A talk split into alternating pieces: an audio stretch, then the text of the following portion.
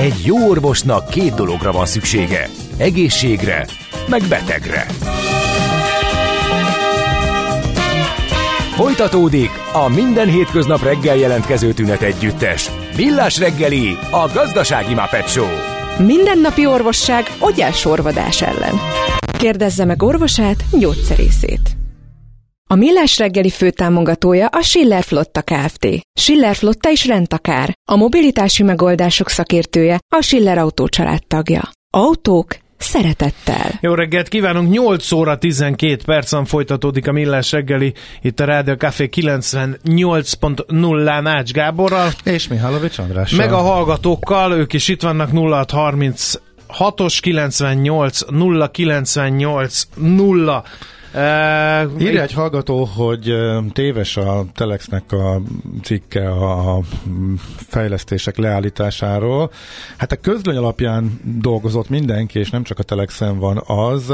A Telex összehasonlította a korábbi listát, és miután erről nem igen lehet pontos információt szerezni, hogy éppen most mi van fönn a listán, mi nincs, mármint a leállított projekteknek a listáján, marad az, ami a közlönyben megjelent, összevetve az előző listával. Igen. Nem tudom, hogy ebben hol csúszhatott hiba, minden esetre hallgató azt írja, hogy óvatosan ezekkel, mert nem egészen pontosan úgy van az a lista, ahogy egyébként, az újság Egyébként az már maga önmagában véve szerintem nincs rendjén, hogy rengeteg pénzről van szó, és a sajtó is találgat. Tehát ha ez egyáltalán felmerül, hogy ennek ne higgyetek, mert nem pontos, annak se higgyetek, mert az se biztos, hogy pontos, az baj, hiszen ez közös adóforintjainkat érintő dönt, elég komoly Igen. döntés sorozat. Hát korábban egy kiszivárogtatott listát szerzett meg a Telex, ez meg most a közönyben megjelent hivatalos verzió, és közben volt még egy, és ezek között vannak eltérések, és az eltérésekre koncentrált elsősorban Igen. Eh, ez a eh, cikk. Nem tudunk másból kiindulni, mint ami a közönyben megjelent. Igen, eh, mert hogy ugye arra valami kevés esély van, hogy valaki kiáll és elmondja ezeket sorszer, bár majd a kormányinfon biztos lesz, aki rákérdez. Hát maxot lehet De hogy aztán arra meg milyen válasz születik, az meg megint egy másik kérdés. Gondoljunk már bele, másfél-két tonna levegő levegő beemelésének energiaigénye mennyivel több, mint elgurításának energiaigénye. Miből, hogyan? Zöld, jövő, linkduma az egész. Van, akinek nem nyert el a tetszét a, légitaxis téma. Hát egy nagyon szűk piac, nyilván ennek meg lesz a, az ára, és azon belül viszonylag tehát nyilván összevetve a korábbi helikopteres, meg korábbi technológiai változatokkal, eh, az elektromos hajtással ez eh, viszonylag csekély kibocsátású lesz. Nyilván, ha az egészet nem csinálnák, és ne eh, a Földön működne ugyanez megfelelő hajtással, az sokkal zöldebb. Igen. Ez Aztán semmi gond, a parasztok eddig sem szívesen vetettek búzát, akkor majd a következő 5-6 évben újra nem vetnek, legalábbis a vajdaságban írja a hallgató a gabonás beszélgetésre reflektálva. Nem csak a búzáról van ám itt szó, hanem a egész gabonapiacról, ha figyeltél, és azért, hogyha ha így unblock a gabonát, a búzát, kukoricát, repcét, árpát, mindent kivesszük a képből, mert mondjuk most egy pár évig nyomott lesz az ára, akkor bukfencen kívül nem tudom, hogy mit vetnek a gazdák a földjeiken. Na, de ez egész más téma. Menjünk is tovább. Menjünk is tovább, mert én beharangoztam egy nagyon-nagyon érdekes témát, a State of Tax Justice kiadványt. Figyelem! A nemzetközi helyzet egyre fokozódik. Ne közlekedj üzleti szemellenzővel a nagyvilágban. Aki naprakész és szemfüles, az megtalálhatja a lehetőségeket nemzetközi környezetben is. Cégstruktúrák, adótervezés, adóegyezmények és vagyonvédelem. Ebben segít a Nemzetközi Vagyontervezésről kristálytisztán a Millás reggeli pénzügyi panoráma rovata. Benne pedig dr. Magyar Csaba okleveles adószakértő, a Crystal Worldwide ZRT vezérigazgatója. Szerbusz, jó reggelt! Jó reggelt, sziasztok! Hát ez a State of Tax Justice című kiadvány nem a legismertebb, legnépszerűbb kiadványok egyike, bár biztos van olyan kör, amelyik ezzel kell és ezzel fekszik. Miről van itt szó? Mi ez az egész? De hogy sok pénz van benne, az biztos. Tax, igen, a Tax Justice Network nevezetű szervezet szokta megjelentetni ezt a kiadványt, és tulajdonképpen a Tax Justice Network egyfajta adózási Greenpeace-ként is felfogható. Az ő céljuk, hogy átláthatóbbá tegyék a világ adórendszerét, és az idén nyáron megjelent kiadványuk arra figyelmeztet bennünket, hogy globálisan 5 billió amerikai dollárt veszíthetünk majd az elkövetkezendő 10 évben, hogyha továbbra is így történnek a nemzetközi adózási folyamatok, mint most. Már ez kiveszíti pontosan? Én a is? világ országai, minden adófizető. Mindenki. Igen. Mindenki. Te is, én is, és a szlovák barátaink is. És ki nyeri és meg? még sorolhatnám, ahol barátaink vannak. Ki nyeri ezt Arról meg? nem szól a fáma, hogy ki nyeri meg, de azért a tanulmány, és majd szerintem érdemes erre külön kitérnünk, a vagyonosabb országok felé mutogat, és azt mondja, hogy a jelenlegi aránytalan és igazságtalan nemzetközi adózási rendszernek a fenntartása a vagyonosabb országoknak az érdekeit szolgálja. Igen, na, hát akkor e, ugye mihez képest fogsz visszaválaszolni arra a kérdésre, hogy akkor sok vagy kevés pénz megy ki az offshore helyszínekre? Lehet erről egyáltalán statisztikát e, generálni, hiszen ha valaki ezt jól csinálja, akkor láthatatlan marad, hiszen ez a célja, hogy láthatatlan maradjon, hogy mennyi jövedelmet és hova pumpál ki. Igen, hogyha a Tax Justice Network az adózásnak a Greenpeace-e, akkor Gabriel Zachman nevezetű professzor, ő az offshore témakörnek a Stephen Hawkingja, és ő nagyon sok számítást végzett már ezen a területen, és úgy látja, hogy a föld GDP-jének jelenleg 10%-át tartják adóparadicsomokban, de hogyha ezt levetítjük országokra, ez eltérő arányokat mutat. A kutatásai szerint a kőolaj exporter országok lakosai tartanak a legtöbb pénzt külföldön, amely sok esetben meghaladja az adott ország GDP-jének az 50%-át is.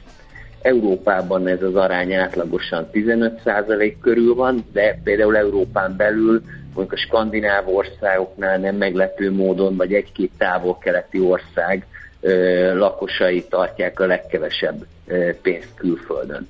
De egyébként azzal is foglalkozik ez a másik tanulmány, hogy nem csak az adózás hajtja ezeket a folyamatokat, hanem az államtól való félelem, tehát az adott ország politikai destabilizációja, vagy éppenséggel túlságosan autokratikus berendezése is felszokta erősíteni uh-huh. ezeket a folyamatokat. De... De egyébként, hogyha arra a kérdésre, hogy válaszolok, bocsánat, hogy sok vagy kevés, igazából nagyon sokszor kihagyják, hogy a mérlegnek két oldala van, mert ugye nagyon szeretik a hírekben megjelentetni, hogy mennyi pénz megy ki ilyen helyszínekre, és ugye az emberekbe elindul ez a Dagobert bácsi effektus, hogy mindenki úgy képzeli, hogy egy öreg bácsi fejest úrik az aranyba, ezeken az offshore paradicsomokban, és ugye ott dúskál a pénzben, de nagyon sok pénz is érkezik be ezekről a helyszínekről. Ezzel nem akarom mentesíteni ezeket a helyszíneket, de azért tényszerű az is, hogy a Nemzetközi Valuta Alapnak a tanulmánya szerint a világ összes tőke befektetéseinek közel 40%-a adóparadicsomokból érkezik be a világ országaiba tehát azért az is számottevő, hogy mennyi megy ki, de azért szintén jelentős tételt képes, hogy mennyi jön ezekről a helyszínekről. Írdatlan összeg ez, amit mondtál, amit ez a tanulmány kimutatott, hogy 5 billió amerikai dollár, ez talán a vezérgondolat ennek a jelentésnek, de mire jut még ez a jelentés? A tanulmány ö, meglátása szerint ugye a az országok évente ilyen 480 milliárd dollár adót veszítenek. Ugye ez az 5 milliárd dolláros számítás, ezt körülbelül 10 évre számolták ki, hogyha így folytatódik a folyamat, akkor ez fog történni. Egyébként ezeknek a visszaéléseknek a jelentős része a multinacionális cégekhez kapcsolódik, nagyjából a kétharmada, még egyharmada inkább a vagyonos magánszemélyekhez köthető. Viszont azt látják, hogy ennek is a kárvallottjai az alacsonyabb jövedelmű országok, ugyanis az alacsonyabb jövedelmű országokban akkora adókiesés következik be, mint amennyi a közegészségügyi költségvetésüknek a fele nagyságrendileg. Mit lehet kezdeni ezzel a, ezzel a problémával? Hogy lehet akkor ezt az adókiesést orvosolni? Nem biztos, hogy érdemes beszüntetni teljesen a rendszert, hogyha a tőkebefektetésben ilyen pozíciói vannak például. Szóval ez egy érzékeny kérdés, de vannak-e kísérletek a megoldására? És itt jön be a politika a történetbe, ugyanis a tanulmánynak az egyik legfőbb javaslata az, hogy idáig a nemzetközi adózás területén az OECD fújta a passzát szelet.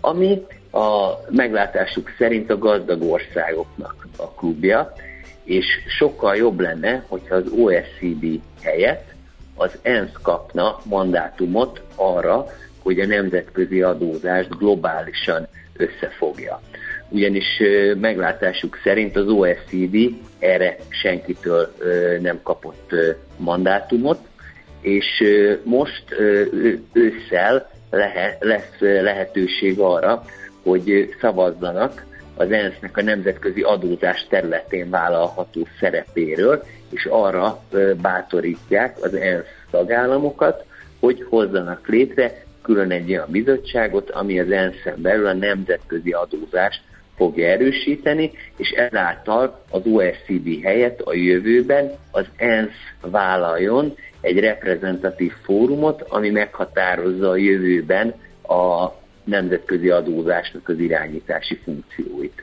Uh-huh. Mi a baj az OECD-nek a tevékenységével, adóügyi tevékenységével? Azért, mert hogy azért ők mozgolódnak ebben a vagy ezen a területen, és például a globális minimumadót azért csak tető alá hozta az OECD, most akkor ez se jó?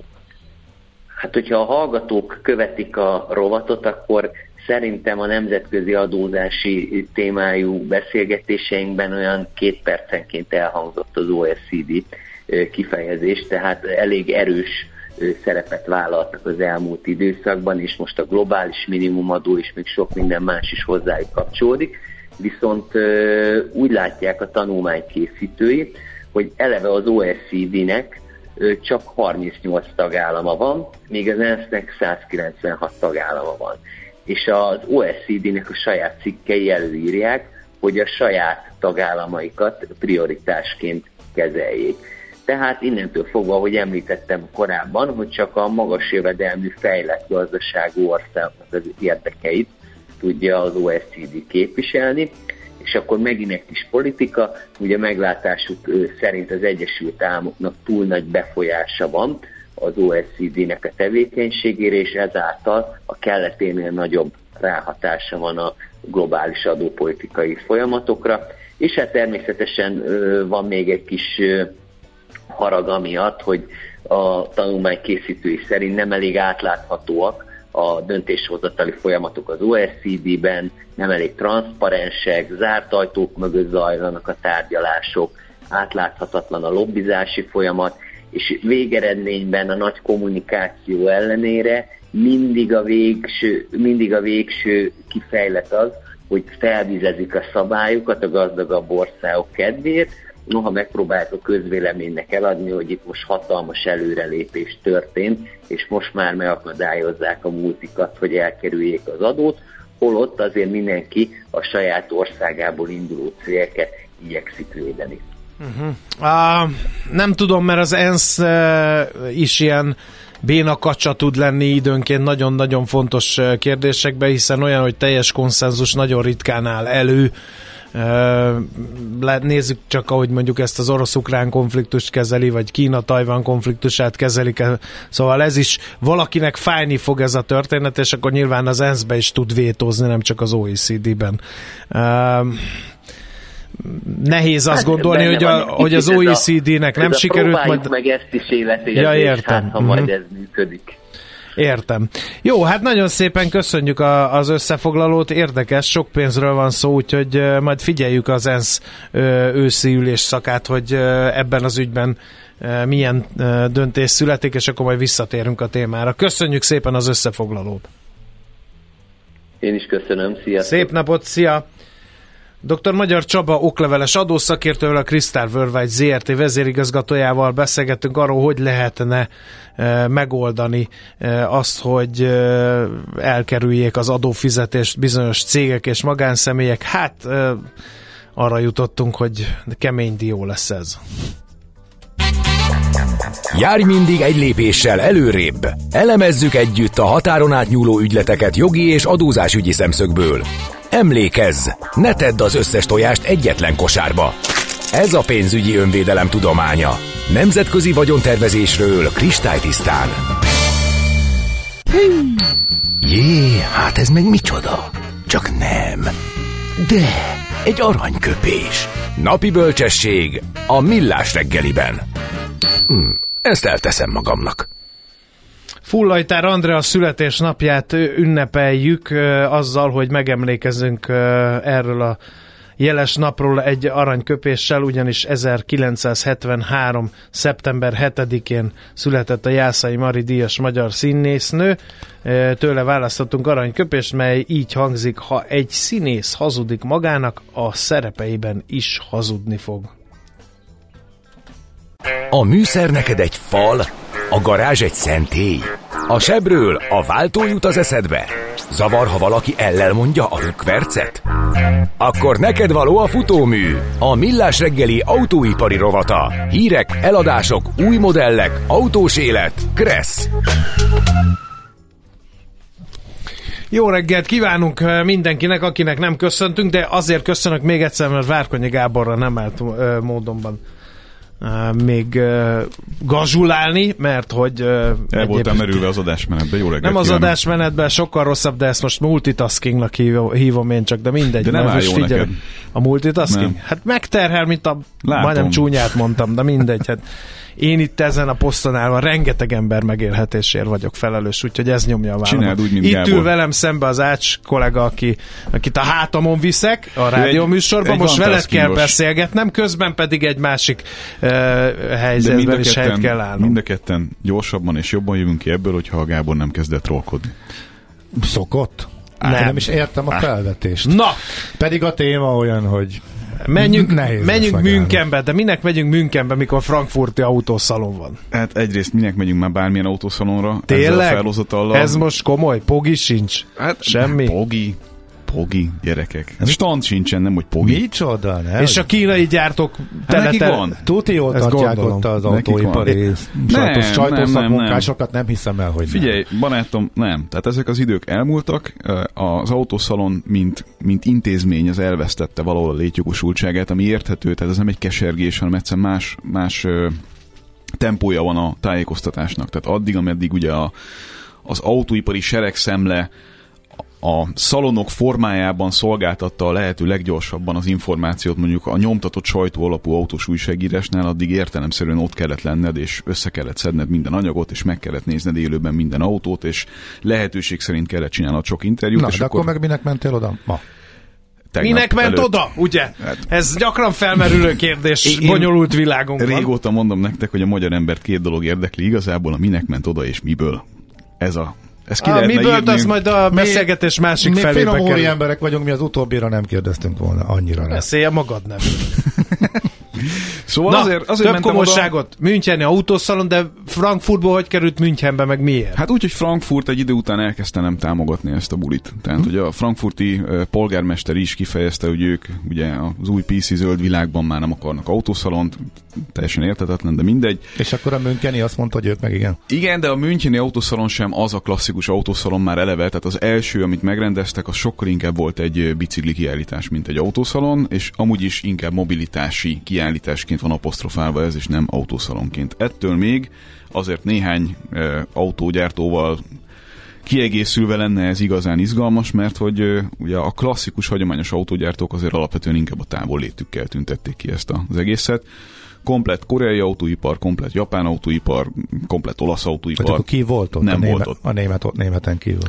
A, a kínaiak. A kínai, Igen, nem? Egyébként a kínai, hát egy kínai autószalon gyakorlatilag, tehát hogyha leraknálak benneteket Ezt, oda... Állj, ízlelgessük egy kicsit. Németország a világ autógyártásának fő epicentrumának igen. a legfontosabb autóipari kiállítását a kínaiak uralják. Hát meg A ezzel. legnagyobb stand a BYD stand volt és egyébként eljött személyesen az alapító is, tehát hogy megadták a módját a dolgoknak. Hát ők akarnak itt terjeszkedni most. Ez mindent gyorsan. elmond a, a megatrendekről az egy autóiparban. Kicsit szerintem. árnyaljuk a dolgot, egy kicsit árnyaljuk a dolgot. Abban az értelemben, hogy egyfelől a német autógyártók is vették a fáradtságot, hogy ott legyenek, csak nem a szalonon hanem kérlek szépen beleteket, az új koncepció az arról szólt, hogy a városon belül legyenek elszórva egyébként nagyobb standok, tehát hogy ne kelljen feltétlenül bemenned a, a kiállítás területére, hogyha akarsz ezzel találkozni. A Mercedes és a BMW és a Porsche is csinált nagy installációkat Münchenen belül, ami szabadon látogatható volt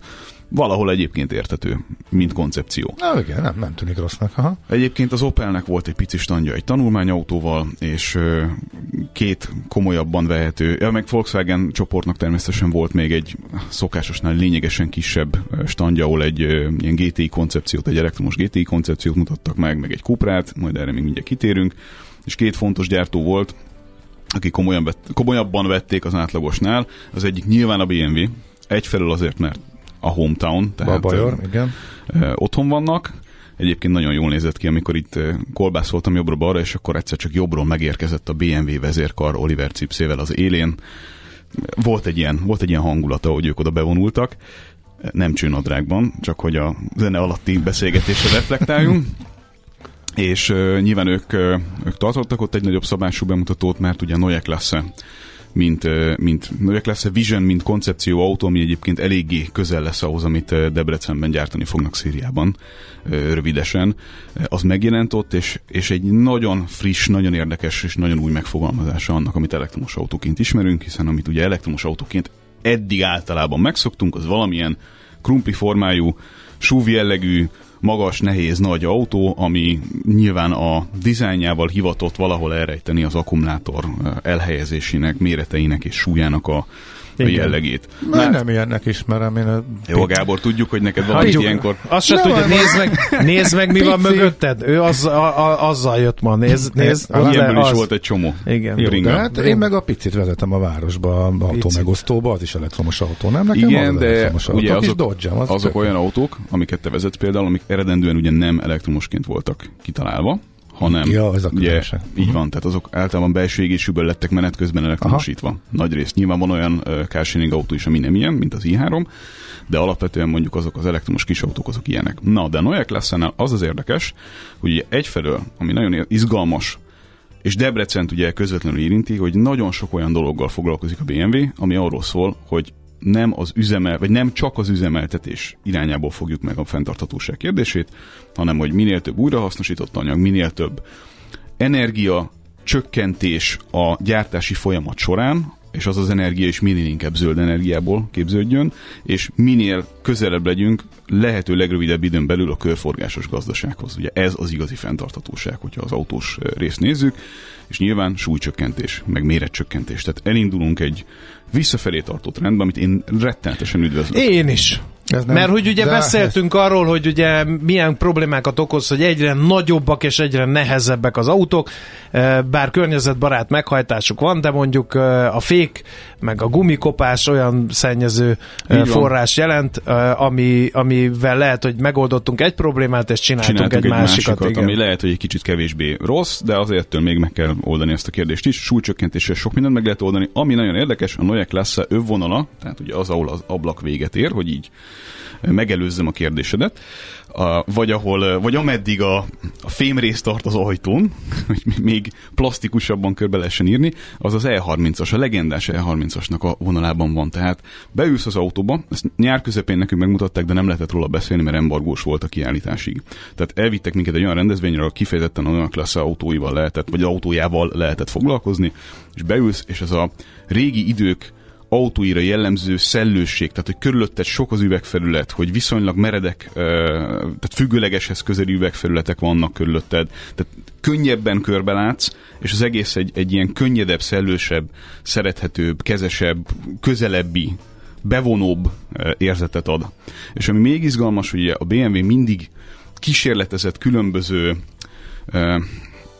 kezelési koncepciókkal. Hogyha talán mond neked is valamit az, hogy iDrive, Gábor. Hogy, hogy tudod, mi? a iDrive, a tekerős, nyomógombos uh, kezelőfelület, amit, uh, amit a BMW talált ki, ami arról szól, hogy ugye mindenkinél hamarabb jöttek le erről a gomberdő történetről még. Hol, de hol láttam én olyat, hol ülök ilyen, ilyen luxus. Nincs neki pénze hát, ilyenre biciklivel jár, nézd már meg. Hogy mi az. Na, a lényeg, Na de most lényeg... elmagyarázta Gábor, mi a lényeg, most már tudod képzelni, hogy sok gomb helyett egy nagy van.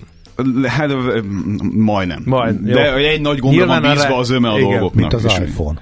Hát kb. igen. igen. De ez ugye az autóiparban a 2000-es évek elején, 90-es évek végén ez egy ilyen hatalmas duranás volt, hogy teljesen új koncepció volt, és ehhez képest ők ugye mindig egy lépéssel előrébb vannak ebben a kérdésben, és a Neue klasse egy szélvédőre vetített, alapvetően gombok nélküli, a szélvédő teljes alsó sávját elfoglaló, alapvetően gombok nélkül, és a kormányról irányítható, illetve természetesen hangvezérléssel irányítható koncepció az, amit megvalósítottak. Kit érdekel? Hát figyelj el A-ból B-be, és legyen ablak az elején. Ezzel én is így vagyok alapvetően, már mint az, ami az autózás kor részét illeti, de hát a felhasználók jelentős része, különösen egyébként az ázsiai felhasználóknak a jelentős része ugye egyre inkább kütyüként tekint erre az egész történetre, Aha. és a, az új dolgok ilyen szempontból rettenetesen fontosak, meg még valami, Chrome, meg, meg mindenféle ilyen dolog, ami energiaigényes, még egy kicsit így a, hogy mondjam, a, a, a luxi részét e, hangsúlyozni a dolognak, ezek így teljesen el fognak kerülni. Tehát a bőr és króm, meg fa, meg ilyesmi, ezek nem lesznek a, az újabb autókban. Ha nem,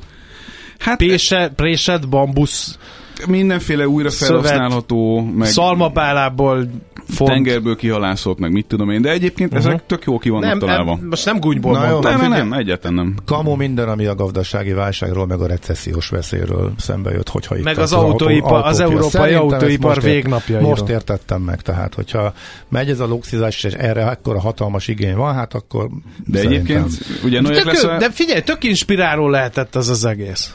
Én, hát, én, be, én bevallom őszintén, neked rengeteget beszélgetünk erről heti egyszer, én így belefáradtam. Ez egy ilyen megoldhatatlan valaminek tűnt.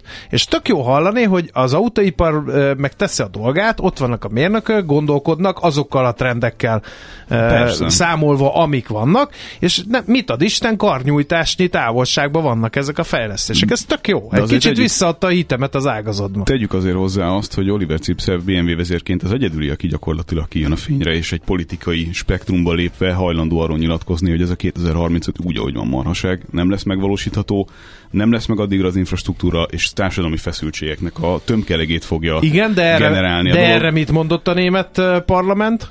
hogy tegyük kötelezővé hogy, a... Igen, hogy minden tíz falu építsen egy Értem. templom helyett egy elektromos autót. És az EU az a német területből áll egyedül? Vagy nem. esetleg gondoltak mondjuk a délolaszokra hát a németek is? tudnak vagy majd autózni, a, a délolaszok meg... Ja, értem, jó, hát akkor tök jó az az EU. Megint eljutunk de ugyanoda. Na, lényeg a lényeg... Mi, mi, de mikor szoktak annyira egymásra gondolni? Tehát oké, okay, vannak az EU-nak nagyon komoly előnyei, de hát az egyes országoknak, a választópolgárainak a nagyobbik része az nyilván a saját érdekeit nélkül nem fog azzal foglalkozni. Nem, én nincs ezzel semmi probléma. Én, én annak örülök, hogy hogy valaki az autóiparból még fölemeli a szavát ez ellen. Egyébként találkoztam személyesen Luca de Meóval is, aki az Európai Autógyártók Szövetségének az elnöke, és egyébként a Renault csoportnak az elnöke. Ő is felszólalt a 2035-ös dátumán, Na, tehát nem csak a BMW. Hogy, hogy, hogy működik? Hello Luca, I'm Gabor from Hungary. És Pontosan így. De igen, és oda, ah, oda, és akkor elmondom, oda hogy mentél, miközben a sörcsapból ez egy esti rendezvény volt, ez egy esti de, nem, nem, nem, hogy Gábor from Hungary. From the best radio station in Hungary. Ennyi. Millás, Millás reggeli. reggeli. Igen. És minden kapu megnyílt. És akkor visszakérdez, hogy ja, arról már hallottam. Igen. Minden reggel azt hallgatom. Igen. Igen. Szólj már srácoknak, hogy a podcast délbe legyen fel, nem, nem bírok estig várni. Nyelvleckék Andrással az a kedvenc rovata, amikor próbálok uh, franciául és vagy németül beszélni. Igen, meg angolul. Na mindegy. Szóval uh, igen, visszak több komolyságot ebben. Igen. Ott volt Luca de Meo, mert hogy uh, egyébként meg a másik autógyártó, akiről szólni kívántam, az a Renault volt, aki komolyan vette ezt az egészet, tehát az átlagosnál nagyobb standjuk volt, és itt egy nagyon fontos újdonságot mutattak be Egyébként szerintem az egyik legjobb piacon lévő villanyautó az a Renaulthoz kapcsolódik, ez a Megane-nak az elektromos változata, és ennek egy nagy problémája alapvetően, hogy viszonylag szűk, tehát egy viszonylag kicsi autó. Nyilván ezért jó a légellenállása, ezért jó a fogyasztása, ezért jó a hatótávja, de hát egy ennél egyen nagyobb autó kell azért alapvetően ahhoz, hogy ez családi autóként tökéletesen működjön. És hát akkor törpöltek, hogy mi legyen ebből, és kihozták azt, hogy hát a Szenik az egy kellően bevezetett márkanév ahhoz, hogy európai vásárló tudjon ezzel valamit kezdeni, hiszen millió számra gyártott és egyébként az autóipart bizonyos értelemben forradalmasító koncepció volt a 90-es évek közepén az első Szenik. Meg is kapta annak idején, amikor ez még egyébként ennél szerintem sokkal rangosabb volt az évautója e, díjat. Azóta már egy picit ez is másról szól. Nem mondom, hogy nem fontos, csak egy picit másról szól. És hát ugye az egyterűt, vagy a magasabb építésű, de még nem SUV koncepciót, azt azért az alapvetően ők vezették be. Az egy más kérdés, hogy a Mitsubishi meg mások már korábban csináltak ilyet ebben a kategóriában, de a Scenic volt az, ami ezt tömegtermékítette. És most bemutattak egy olyan autót, ami VLTP szerint 600 km fölötti hatótával rendelkezik, tehát az azt jelenti, hogy gyakorlati életben is fog tudni mondjuk 400 Milyen TP? Mi VLTP. Mi? Lakástakarékpénztár az, mi, az, az, az mi, mi az a tép? Milyen? Ez a standardizált fogyasztási, meg hatótáv de ez a valóság, vagy az elmélet? Ez mindig az elmélet. Ez, ez elmélet ugyanaz, mint a, mint a fogyasztás. Mennyi a valóság és az elmélet Azt mondja mondjuk a különbség, egy, ugye átlagosan? Hát egy 30 százalék nagy. Jó, akkor ebből annyit vonjunk le, csak azért. De azért ja, mondtam, hogy, hogy De egy, akkor ennek mi értelme mutat? Mindegy, most nem akarom félrevinni a beszélgetést. ugyanezt, és akkor nagyjából megvan, hogy mi van. Ez olyan, mint a, mint a hirdetésben, hogy akkor van a listár, és mennyi kedvezményt adsz a listárból. Igen nem értem ezeket a folyamatokat, mindegy, hagyjuk, a lényeg, menjünk tovább. A lényeg, igen. hogyha 600 kilométert mondanak valamire, akkor, akkor az 400, jó? 400-450, és az már egyébként szerintem egy átlagember számára teljesen vállalható történet. Az, ugye, az, az, Mondjuk azért a Gede nem tud ilyennel leruccanni Horvátországban. Nem, de hogyha ha ugye az az infrastruktúrális beruházás hullám, a gyors utak mellett, meg az autópályák mellett meg fog valósulni, ami ugye arról szól, hogy 60 kilométerenként minimum legyen egy villámtöltő, akkor minden további nélkül meg lehet ezt oldani egy bizonyos elektromos autó penetrációig bezárólag. Hm. Tehát Én ez annyira már... kíváncsiak, hol van az a pont, ahol ez áttör, ahol már azt mondják az emberek, hogy elmennek indulni hosszú távon is, és standard egy autónak elgondolkodnak az elektromosan. Ez, ez, annak, ez sok mindennek a kérdése, például annak is, hogy mennyire tervezhető ez az egész. Tehát, hogy mennyire tudod biztosan, hogy ott, ahol jelölik, ott, ahol megvan, ott tényleg működik, ott tényleg lehet fizetni, ott tényleg elindul, ott nem tényleg annyi a teljesítmény, nem kell sorban. Tehát, hogy, de egyébként annak, aki, aki az életét eléggé tervezhető ütemben csinálja, és csak egyszer-egyszer megy hosszabb utakra, annak egyébként már van bőségesen olyan mm. megoldás, ami ezt tökéletesen ki tudja szolgálni. És ami a szerencsés fordulat volt, hogy kaptam egy slotot, és tudtam beszélgetni Frab, Frab, Fabrice Cambolival, aki a Renault-nak a főnöke, tehát a márkának a főnöke, nem a grupnak, mint Luca de Meo, hanem a uh-huh. Renault márkáért felelős. Csőnaci nem volt csőnaci, nem volt ilyesmi. A designereken van, azokról még nem Igen. beszélt. Most az autóipari Jó. vezérekről beszélt, akik eh, konzervatív megjelenés is. A designerek el, mindig... bocsánat, el kell mondjuk zárul, miért húzunk ezzel, mert hogy megemlítettük, hogy a Facebook folyamatosan az autóipari címpikkel közös képeidet dobta eh, föl nekünk, és Mihálovics Kartás megállapította, hogy mindig csőnaciban Igen, van. de kiderült, hogy nem, az csak úgy látszik a képen. De a designerek jellemzően ugye eh, érdekes szemüvegekben, feketében és csőnaciban vannak, ez tény. Tehát innen könnyű mert, mert mondtam én előre, rajta tartom én a szemem ezeken a dolgokon. Igen. Na, és akkor uh, nyilván az első kérdésem az volt uh, Kámboli úrhoz, hogy akkor most pontosan hogy van ez az európai versenyképesség, uh, mit fogunk tudni csinálni a kínaiakkal, és hát tulajdonképpen azt mondta el, amit, amit uh, alapvetően én is szoktam egy picit pedzegetni, hogy, uh, hogy a hálózat, tehát az, hogy van egy, van egy működőképes márkakereskedői, javítói hálózat, az egy olyan előny, ami, amivel nem rendelkeznek az új belépők. Be lehet magukat vásárolni ezekbe, de az egy más, az egy más történet, és, és sokkal tovább tart, és hát rengeteg pénzbe kerül. Ezzel rendelkeznek az európai autógyártók, ez mindenképpen egy, egy előny. Egy másik előny, hogy ismerik jobban a saját vásárlóikat, tehát a kínai inváziónak is feltétel az, hogy adoptálódjon valamennyire az európai ízléshez, meg az európai ö, helyzethez, ahhoz, ahogy egyébként fordítva is igaz, tehát ahogy bármilyen más autógyártónak is adaptálódnia kell a kínai ízléshez.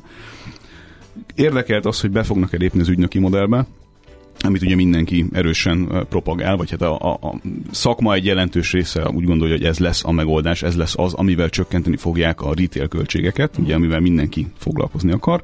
A Renault ebben nem hisz, ők a hagyományos utat követik, és... És ezt megerősítették most is. Igen, igen, Tehát, aminek én, a ennek én örülök, mert szerintem ez, ez egy alapja annak, hogy ez az egész jól működjön, és hát ami nagyon fontos, hogy maradványértéknövelés, maradványértéknövelés, maradványértéknövelés, ez azért lényeges kérdés, mert így lehet alacsonyan tartani a nyugat-európai leasingdíjakat, ami végső soron mindig a mérvadó akkor, amikor választ mondjuk egy cég magának cégautót. Tehát mennyi a havi költség, és azt alapvetően befolyásolja az, hogy mennyi a, az, amennyire mondjuk három uh-huh. éven belül el lehet majd adni az autót. És ebben ugye a, az ide-oda rángatása az áraknak, mint amit látunk bizonyos versenytársaknál, az eléggé ki tudja ütni a, a flottakezelőknek a, a választási lehetőségei közül egy-egy márkát.